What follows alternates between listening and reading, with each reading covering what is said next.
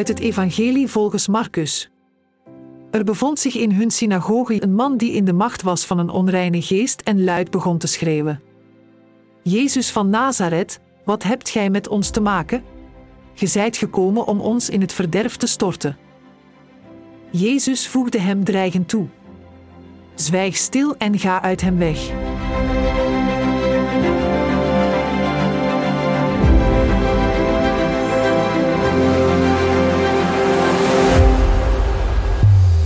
Vrienden, in een van zijn brieven vertelt Paulus, de apostel Paulus, ons: wees altijd blij.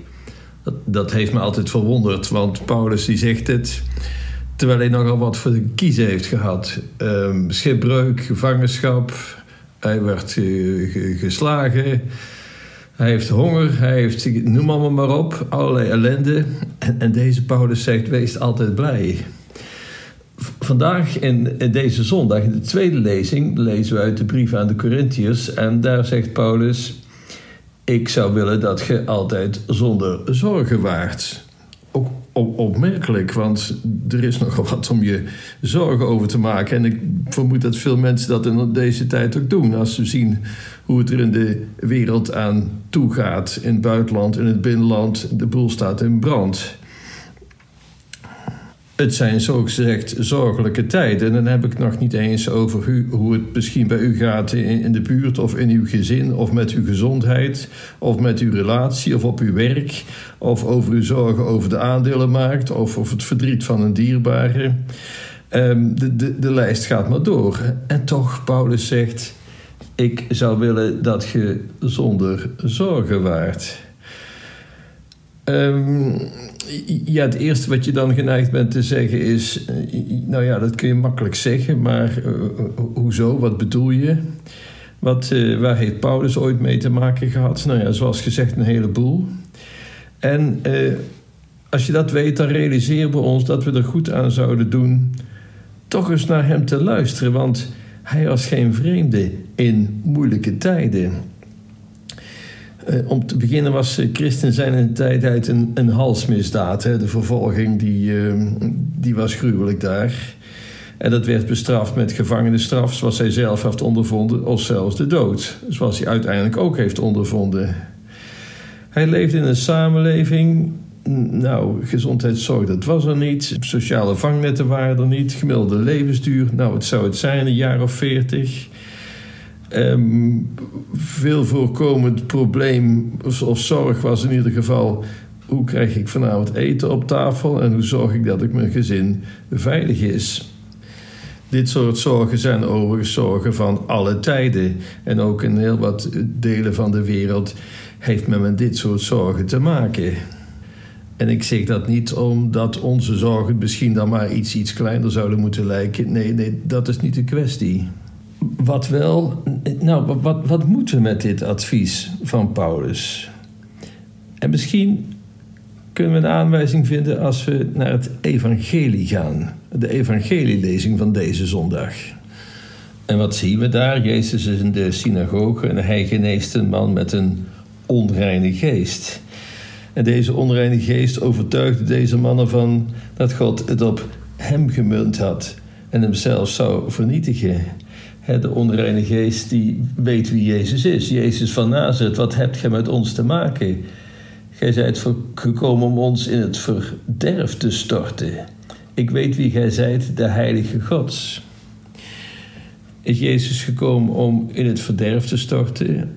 Nou, het kwaad wel, ja. Hij is gekomen om het kwaad te overwinnen. En die kwade geest, die was daar schijnbaar van bewust. Hij wist wie Jezus was, de Zoon Gods. En het is inderdaad Jezus die sterker is dan het kwaad. Want wat zegt hij? Zwijg stil tegen de onreine geest en ga uit hem weg. En wat lezen we dan? De onreine geest schudde hem heen en weer, gaf nog een luide schreeuw en ging uit hem weg. En alle stonden verbaasd en vroegen onder elkaar: wat betekent dat toch? Een man met gezag. Hij geeft bevel aan de onreine geesten, aan, aan de duivels en ze gehoorzamen hem. Oftewel, hij is sterker dan het kwaad. Vind ik altijd een troostende gedachte overigens. Wat er ook gebeurt, Wend je tot God, die is sterker dan het kwaad. Daarvoor is Jezus gekomen, hè? Om het kwaad te overwinnen en ons te vragen en daaraan mee te werken. Hè, bekeer je, het Rijk Gods is nabij. We kennen de bekende uitspraak van vorige week nog. Deze gebeurtenis is meteen ook, denk ik, een mooie metafoor. U weet het, eh, alles wat er gebeurt in het evangelie is niet wat er toen gebeurde. En kijk nou prettig voor die man, die, die onreine geest uit hem verdween. Het heeft ook altijd iets met, met ons te maken. Ook wij hebben onze nodige uh, angsten en zorgen. En angst kan zo aanvoelen als een onreine geest in ons die ons ervan overtuigt dat God niets om ons geeft. Of erger nog, dat God het op een of andere manier op ons gemunt heeft. En bij onreine geesten mag je ook denken aan, aan, aan verslavingen. Hoeveel zijn er niet porno verslaafd of noem allemaal maar op. Of zijn er onhebbelijkheden waar je maar niet vanaf kunt komen. Doe dan één ding, wend je tot Hem die sterker is dan de bron van alle kwaad. Wend je tot Hem Wend je tot Hem die autoriteit heeft over goed en kwaad. En, en Jezus ontleent die autoriteit aan niemand, aan, aan zichzelf. Hij, hier is God zelf aanwezig. Hij spreekt niet namens iemand. Nee, hij, het is hier God zelf die hier aanwezig is. En dat geeft hem die autoriteit. Uit jezelf kom je er niet vanaf, van, van onhebbelijkheden, van, van verslavingen, van, van zonde. Je kunt niet, laat ik het zo maar zeggen, je aan je eigen haar uit het moeras optrekken. Je hebt iemand van buitenaf nodig, een helpende hand. En het is Jezus die die helpende hand biedt. Neem die aan. Geef jezelf de kans om het geloof te versterken. Lees die Bijbel. Benut de sacramenten, vooral de zondag, de zondagsmis, kruis, kruisoffer. Werk daaraan mee. Het sacrament van de biecht, het is echt bevrijdend. Het geeft rust in je hoofd, in je hart, in met je omgeving, met God, met jezelf. En je kunt weer verder. En dat is denk ik die zorgeloosheid die Paulus ons gunt. Ik zou willen dat je zonder zorgen waart. Doet ook denken aan de woorden van eh, de heilige Theresia van Avila. Wat zegt zij? Vrienden, laat niets je storen, laat je bang maken. Alles gaat voorbij, maar God verandert nooit.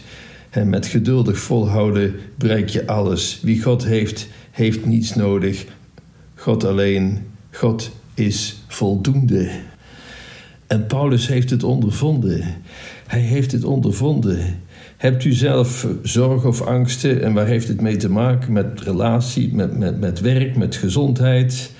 Of met angst voor de toekomst of wat er in onze wereld allemaal gebeurt? Wat veroorzaakt op dit moment de meeste angst? Kunnen we die nu bezorgd zijn? Kunnen we die leggen aan de voet van het kruis? En dat is ook wat Paulus ons te zeggen heeft. Paulus die, die eh, ergens anders zegt van het goede wat ik wil doen, dat doe ik niet. Het kwade wat ik niet wil doen, dat doe ik wel. Wat is dat toch? En het dreigt bijna hopeloos te worden, totdat hij beseft: ja, maar wacht eens even, God is er ook nog en die is sterker dan het kwaad. Die kan alles ten goede keren. Hij vraagt veel van onze medewerking natuurlijk, maar de goede God kan alles ten goede keren. Ik eindig nogmaals met het laatste stukje uit het evangelie van deze zondag. Wat betekent dat toch, een nieuwe leer met gezag? Hij geeft bevel aan de onreine geesten en ze gehoorzamen hem. Ja, die onreine geesten, ze gehoorzamen hem. Hij kan ze overwinnen, hij alleen.